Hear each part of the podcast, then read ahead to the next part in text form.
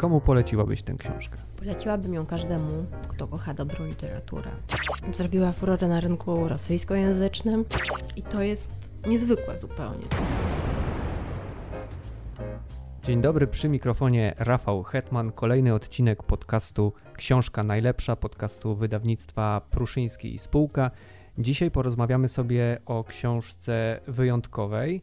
Wyjątkowej z tego względu, że kiedy wydawnictwo Pruszyński wrzuciło informację na swojego Facebooka, że ta książka się ukazuje, dwie moje koleżanki, reporterki, niezależnie od siebie, udostępniły tego posta, chwaląc te, tę książkę bardzo mocno, bo czytały ją w oryginale. E, to są reporterki, które zajmują się Rosją, czytają rosyjską literaturę. Więc to był dla mnie pierwszy sygnał, e, że w tej książce coś jest. Dlatego dzisiaj o niej rozmawiamy. E, jest ze mną Agnieszka Sowińska, która przetłumaczyła tę książkę. Dzień dobry. Dzień dobry. Książka nosi tytuł Pamięci Pamięci czy można powiedzieć, że zrobiła furorę na rynku rosyjskim, rosyjskojęzycznym? Zrobiła furorę na rynku rosyjskojęzycznym. Mm, właściwie miesiąc przed premierą była już wydarzeniem oczekiwanym na jednym z najważniejszych targach książki w Rosji, na targach non-fiction, gdzie po prostu wyczekiwano premiery tej książki. Specjalnie ze względu na targi przesunięto ją o miesiąc. I już wtedy było wiadomo, wiadomo ponieważ fragmenty tej książki ukazywały się w różnych mediach wcześniej.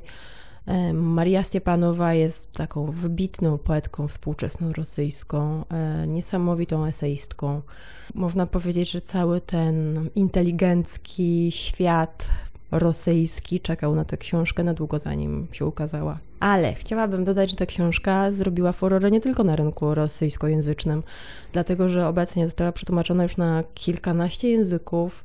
E, między innymi w Szwecji jeden z czołowych krytyków literackich w podsumowaniu dekady uznał jej tłumaczenie za jedną z najważniejszych książek dekady. I myślę, że po prostu miał rację, bo jest to książka absolutnie wybitna. Sama autorka określa ją tę książkę, jej gatunek mianem romansu. No to ciekawe. To jest właściwie taki romans, flirt, bardzo bolesny z przeszłością, z historią własnej rodziny, z historią wieku XX, z historią dwóch wielkich totalitaryzmów wieku XX. Bo trzeba jakby podkreślić, że to jest książka uniwersalna. Ona nie jest książką o Rosji. Jest również książką o Rosji, ale nie należy jej czytać wyłącznie w ten sposób. Akurat my, Polacy, myślę, że odnajdujemy się w tej książce w sposób fenomenalny. E, I pokaże nam, zwróci uwagę na coś, o czym często zapominamy, patrząc trochę w świat zachodniej literatury, zapominamy o tym świecie literatury rosyjskojęzycznej, która jest nam niesamowicie bliska. Była bliska i powinna nam wciąż być bliska, bo wspólnota doświadczeń, cały wiek XX za plecami, mm, jest po prostu naszym wspólnym doświadczeniem. Można podsumować tę książkę tak, że to jest książka o rodzinie, o szukaniu przeszłości swojej rodziny. I chciałbym w tym kontekście zadać takie pytanie: dlaczego polski czytelnik e, miałby się zainteresować historią jakiejś rosyjskiej rodziny, nawet jeżeli to jest rodzina słynnej rosyjskiej poetki? Dlatego, że historia rodzinna jest absolutnie pretekstowa. Ta książka nie jest tak naprawdę historią rodziny Stiepanowych, Górjewiczów, Friedmanów, z których pochodzi Maria Stepanowa. Ona jest absolutnie pretekstem do tego, by opowiedzieć, czym stała się pamięć i czy jest możliwa ciągłość pamięci po wieku XX. Autorzy na całym świecie podejmują takie próby. U nas w Polsce też zresztą są wybitne próby w tym kierunku, jak książka Moniki Schneiderman, e, Fałszerze pieprzu, czy książka Marcina Wiche, Rzeczy, których nie wyrzuciłem. No tak, bo rozmawialiśmy przed nagraniem, że y, to są książki, z którymi właśnie pamięci, pamięci Stiepanowej nam się jakoś kojarzą. Tak. Można je jakoś porównać w jakiś sposób? Jeżeli, mhm. czy można powiedzieć tak, że jeżeli czytało się rzeczy, których nie wyrzuciłem wichy, albo fałszerzy pieprzu y, Moniki Schneiderman, to ta książka też będzie nam się podobała. Tak, na pewno można tak powiedzieć, szczególnie w przypadku Marcina Wichrze, których nie wyrzuciłem. E, natomiast w przypadku Moniki Schneiderman i Fałszerzy Pieprzu, dla mnie ta książka Pamięci, Pamięci Marii Stepanowej była w pewnym rodzaju rewersem książki Moniki Schneiderman, dlatego że tam dostajemy w pewien sposób tak skonstruowaną opowieść, która ma sprawiać wrażenie całościowej. To znaczy mówisz o fałszerzach tak, pieprzu. o fałszerzach pieprzu. A Pamięć Pamięci pokazuje, że pokazuje to wszystko, co dzieje się w procesie, pokazuje, co się dzieje pod spodem dochodzenia do takiego obrazu, który możemy przedstawić jako pozornie całościowy. Tak, bo punkt wyjścia jest y, trochę podobny. I Schneiderman, i Stiepanowa wychodzą od tego, że chcą zbadać losy swoich rodzin, swoich rodzin buszują w fotografiach na przykład. Monika Schneiderman układa z tego rzeczywiście, tak jak powiedziałaś, pełną historię swojej rodziny, a Stiepanowa jednocześnie rekonstruując historię swojej rodziny, analizuje też sam proces szukania, tak można powiedzieć, prawda? Tak. Dokładnie. Ją bardziej interesuje proces niż dochodzenie do celu. Tym bardziej, że takim refrenem tej książki są wszystkie historie, sytuacje, które ona opisuje, by podkreślić że scalenie tej historii nie jest możliwe. Na przykład, gdy kupuję figurkę zamrożonej Charlotte, która jest na okładce. Takie figurynki były produkowane pod koniec XIX wieku w Niemczech. Były to groszowe laleczki, sprzedawane właściwie w każdym sklepie i traktowane jako taki wypełniacz do wpychania, zamiast jak dzisiaj mamy folię bąbelkową, czy styropianowe kuleczki, czy, czy te pa, pa, pałeczki, to te laleczki były traktowane dokładnie jako taki wypełniacz paczek. I na jakimś rynku znalazła te, te laleczki, urzekły ją absolutnie. Do dziś niewiele zachowało się całych. Właściwie wszystkie są poobijane, mniej lub bardziej, kalekiem, nie mają rąk, głów, nóg. I ona oczywiście chciała znaleźć jak najbardziej całą, żeby wyglądała ślicznie. Chciała, żeby to było estetyczne, ten jej alegoria pamięci, jej, jej figurka, figurka poobijana. Ta figurka oczywiście jej upadła i rozbiła się na kawałeczki. Posłuchajmy fragmentu książki Pamięci Pamięci Marii Stiepanowej. To była nieduża, wysoka na 3 cm figurka z białej porcelany. Bardzo umownie uformowany goły kędzierzawy chłopiec, który mógłby uchodzić za Amora, gdyby nie długie skarpetki. Został kupiony na moskiewskim targu staroci, gdzie nie w porę uświadomiono sobie, że przeszłość to cenna rzecz ale jakieś groszowe przedmioty też można było tam znaleźć. I oto na stoliku z różnego rodzaju biżuterią wypatrzyłam pudełko wypełnione stosem właśnie takich chłopców. Najdziwniejsze, że wśród nich nie uchował się ani jeden cały. Wszyscy demonstrowali najrozmaitsze kalectwa. Co któryś nie miał nóg albo twarzy, a wszyscy jak leci w odpryskach i szramach. Długo ich oglądałam, wybierałam, który najprzyjemniejszy dla oka – aż znalazłam najładniejszego. Zachował się prawie w całości i lśnił prezentowym połyskiem. Kędziorki i dołeczki były na miejscu, podobnie jak skarpeteczki z reliefem wzoru. I ani ciemna plama na plecach, ani brak rąk nie przeszkadzały cieszyć się tym wszystkim. Ale ja oczywiście zapytałam sprzedawczynię, czy nie ma bardziej kompletnego chłopca, i w odpowiedzi usłyszałam opowieść, którą postanowiłam sprawdzić. Te groszowe figurki produkowano w pewnym niemieckim mieście przez pół wieku z rzędu, powiedziała mi, od końca lat 80. XIX wieku. Sprzedawano je gdzie popadnie, w sklepach spożywczych i przemysłowych, ale ich pierwotne przeznaczenie było inne. Tanie i niewymyślne, wykorzystywane były jako sypki amortyzator przy przewożeniu ładunków, żeby ciężkie przedmioty z epoki nie obijały sobie nawzajem boków, stykając się w ciemności czyli produkowano chłopców z oczywistym zamiarem ich okaleczenia, a potem przed wojną fabrykę zamknięto. Magazyny wypełnione porcelanowymi produktami stały zamknięte aż do bombardowania i po jakimś czasie, gdy otworzono skrzynki, okazało się, że leżą w nich jedynie odłamki. I tak kupiłam swojego chłopca, nie zapisując ani nazwy fabryki, ani telefonu sprzedawczyni, wiedząc jednak na pewno, że niosę w kieszeni zakończenie swojej książki rozwiązanie zadania, którego przyjemnie się szuka na ostatnich stronach. Było od razu o wszystkim. I o tym, że ani jedna historia nie dociera do nas w całości, bez odłamanych stóp i odpryśniętych twarzy. I o tym, że luki i wyrwy są nieodłącznym towarzyszem utrzymywania się przy życiu, jego ukrytym motorem, mechanizmem przyspieszenia. I o tym, że tylko trauma wyłania nas, jednoznacznych, niestandardowych, z masowego produktu. I rzecz jasna o tym, że sama jestem takim chłopcem, wytworem produkcji masowej, pochodną zbiorowej katastrofy minionego wieku, jego ocalonym i mimowolnym beneficjentem, który cudem znalazł się wśród żywych i na świecie.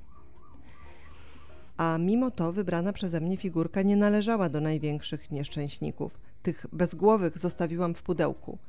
W określonym kontekście, przekonywała 100 lat temu z okładem szkoła wiedeńska, za piękne uważa się jedynie nowe i całe rzeczy, podczas gdy rzeczy stare, niekompletne i wyblakłe oceniane są jako szpetne. Czyli, idę za tą myślą, kompletność przedmiotu jest jego wartością, jego wykrochmalonym kołnierzykiem, bez którego traci prawo do humanitarnego traktowania. I tak to wyglądało. Choć myślałam to wszystko, co myślałam na temat niepełności i fragmentaryczności każdego zachowanego świadectwa, w duszy wciąż żądałam od niego całości i nienaruszalności. Kalectwo porcelanowego chłopca nie powinno być nadmierne, mówiąc wprost, chciałam, żeby przyjemnie mi się na niego patrzyło. Wpół zniszczony wiek temu miał wyglądać jak nowiutki. Pewnego deszczowego dnia laleczka wypadła z kieszeni i się rozbiła jak złote jajko w bajce o kurce riabie, o kafelkową podłogę starego domu. Moją ulubioną historią jest ta, gdy autorka pojechała do Saratowa śladami swojego e, pradziadka. Znajomy pomógł jej odszukać dom, w którym ten pradziadek mieszkał jeszcze przed rewolucją. Ona poszła do tego domu, weszła na podwórze i poczuła się tak jakby wróciła do krainy dzieciństwa, jakby po prostu rozpoznała każdą cegłę. Jakby coś w genach jej jakby wyczuło, tak, że, genach, to jest to miejsce. To jest to miejsce i, i po prostu nie potrzebowała nic więcej. Wiedziała, że jest stamtąd. Taki moment zespolenia z tą przestrzenią tak, to, to był. Tak, i to było absolutnie takie, opisuję to jako doświadczenie pełne, magiczne w pewien sposób Dopóki pół, tydzień później nie zadzwonił do niej znajomy i powiedział, wybacz mi Masza, ale ulica się zgadza, ale no, to to nie był ten dom. I moim zdaniem to jest jedna z lepszych pułent opowiadania o, o tej historii, że w pewien sposób możemy jej ciągle próbować dotykać. Jesteśmy właściwie na to skazani, na te próby dotknięcia, ale być może nigdy się do niej nie zbliżymy. No bo właściwie każdy z nas ma taką w sobie historię, której nie jest w stanie opowiedzieć. Kto z nas, może niewielu mamy takich szczęśliwców, może z, jakichś arystokratycznych rodzin, którzy sięgną w swojej opowieści do przodków sprzed wieku, dwóch, trzech.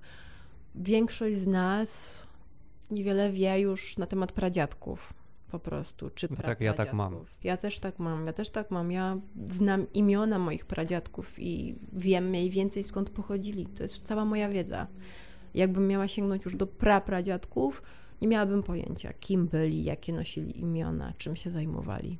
Mamy okruchy i ta książka też jest o tym, że my wszyscy mamy okruchy tej pamięci. Też nie możemy do końca ufać, ufać temu, co zostało. To bardzo jest jeden z ważniejszych wątków książki Marii Stepanowej. Ona przywołuje jedną z postaci po dalekim jej krewnym, który, chłopcu, który, właściwie chłopcu, dwudziestoletnim chłopcu, który zginął podczas II wojny światowej pod Leningradem, Lodiku, zostały jej listy. Żaden z tych listów nie mówi prawdy. Ten chłopiec wciąż zapewnia swoją mamę, ukochaną, swoich bliskich, że z nim jest wszystko w porządku. Chociaż jest w Leningradzie, w oblężonym Leningradzie podczas blokady, gdzie panował niewyobrażalny głód, gdzie po prostu zginęły dwa miliony ludzi, gdzie trupy walały się po ulicach. U Lodika wszystko jest w porządku.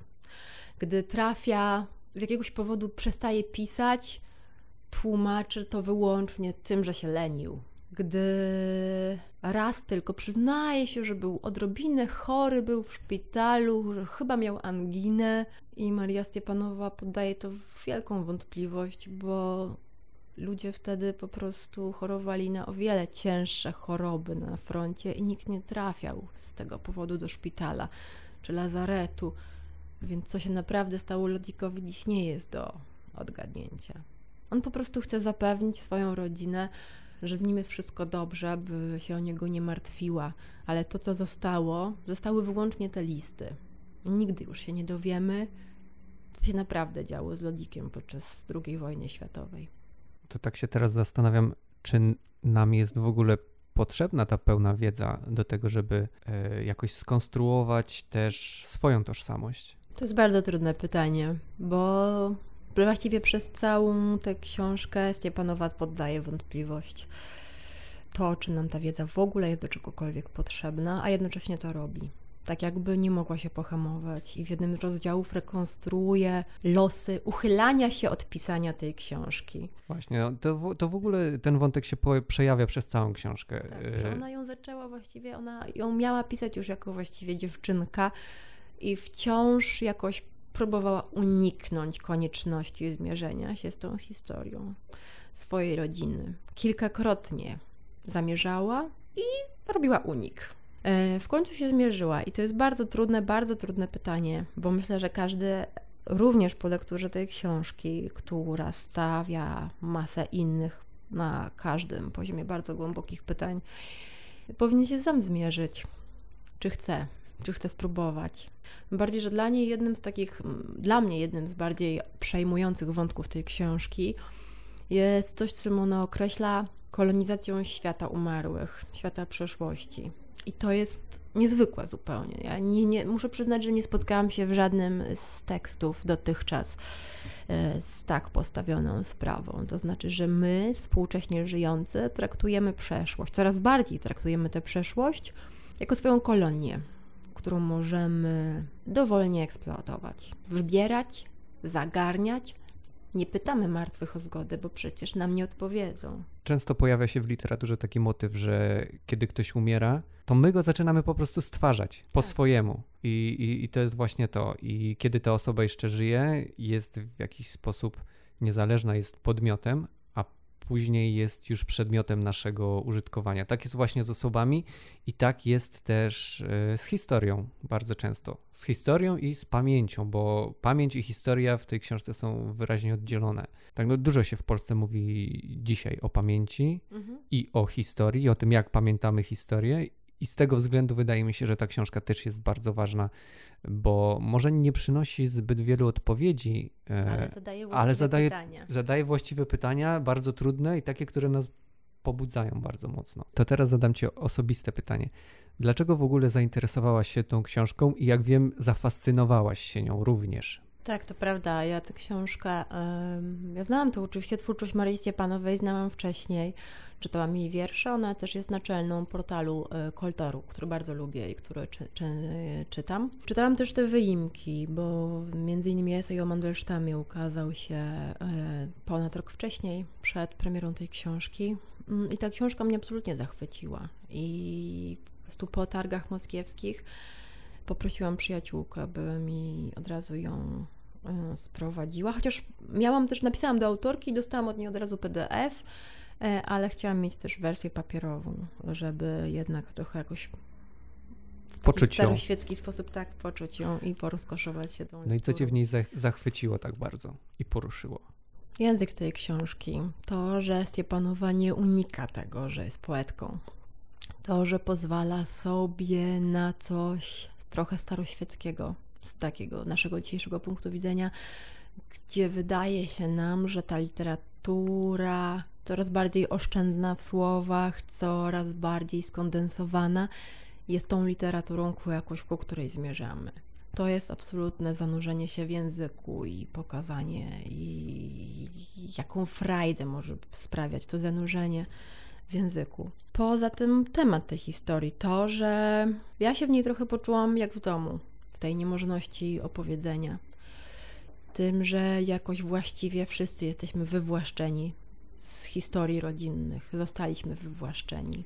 Nie wiem, czy gdyby nie to, że moje babcie przetrwały wojnę, przeżyły wojnę, dla nich wszystko zaczęło się po. Nie, właściwie nie sięgały pamięcią, nie chciały sięgać pamięcią przed II wojną światową. Nie wiem, czy gdyby nie te wydarzenia, chciałyby zachować ciągłość. Wydaje mi się to tak wyraźną cenzurą, cezurą w ich życiu, że która mnie też pozbawiła po prostu bardzo dużego kawałka własnej opowieści, własnej tożsamości w jakiś sposób. Wszyscy jakoś próbujemy się pozlepiać, dookreślać. I ta książka dla mnie dlatego była jedną z tych najważniejszych w życiu. Komu poleciłabyś tę książkę? Poleciłabym ją każdemu, kto kocha dobrą literaturę. Napisaną przepięknym literackim językiem. Każdemu, kto buszuje w rodzinnych historiach, zagląda do starych szuflad, e, przegląda stare zdjęcia, zastanawiając się, kim właściwie są ci wąsaci panowie na nich. Każdemu, kto interesuje się pamięcią, a myślę, że dziś to pojęcie pamięci i jej rozumienie staje się dla nas wszystkich coraz ważniejsze i coraz częściej przeinaczane, coraz częściej wykorzystywane, więc warto się przyjrzeć nie odpowiedziom, ale tak jak wcześniej mówiliśmy, tym wszystkim trudnym pytaniom, które się wiążą z tematem pamięci które stawia Stepanowa. Tak, mi się wydaje, że ta książka jest też ważna, dlatego że właśnie temat pamięci zaczyna się coraz częściej pojawiać po prostu w debacie publicznej, w mediach. I też fajnie przeczytać sobie tę książkę, dlatego, mm, żeby zobaczyć, jakimi, jak, jak ta pamięć meandruje, jak, y, jak ona jest. Y, po pierwsze, nie jest łatwa w tym sensie, że, że nie jest jednoznaczna tylko to po prostu wszystko się miesza, nie, jest nieoczywiste, ma właśnie różne odcienie szarości, a nie jest czarno-białe. Ta, ta... I że to my ją stwarzamy. Tak, i że to my ją stwarzamy, ci, którzy tu jesteśmy, a nie ci, którzy już odeszli. Bardzo często. I bardzo trudno, i bardzo trudno czasem właśnie zorientować się, co, co jest naszą kreacją dzisiejszą, a co jest y, tą prawdą obiektywną w książce pada takie fajne sformułowanie, teraz nie zacytuję tak w 100%, ale że to brzmiało mniej więcej tak, że pamięć jest subiektywna, a historia rości sobie prawo do obiektywności. Coś takiego, że, mhm. że też nie jest obiektywna. To była ewidentna sugestia, że, że ta historia, którą często bierzemy za obiektywną, też nie jest obiektywna. I właśnie pamięci, pamięci y, Stepanowej w dużej mierze jest o tym. A więc bardzo polecamy pamięci, pamięci Marii Stepanowej. Książka jest już e, dostępna, jest w księgarniach, można sobie kup kupować, zamawiać, można zamówić również e, w sklepie na stronie wydawnictwa Pruszyńskiego, gdzie Was serdecznie zapraszamy. Dziękuję Ci bardzo za rozmowę. Ja Ci też dziękuję.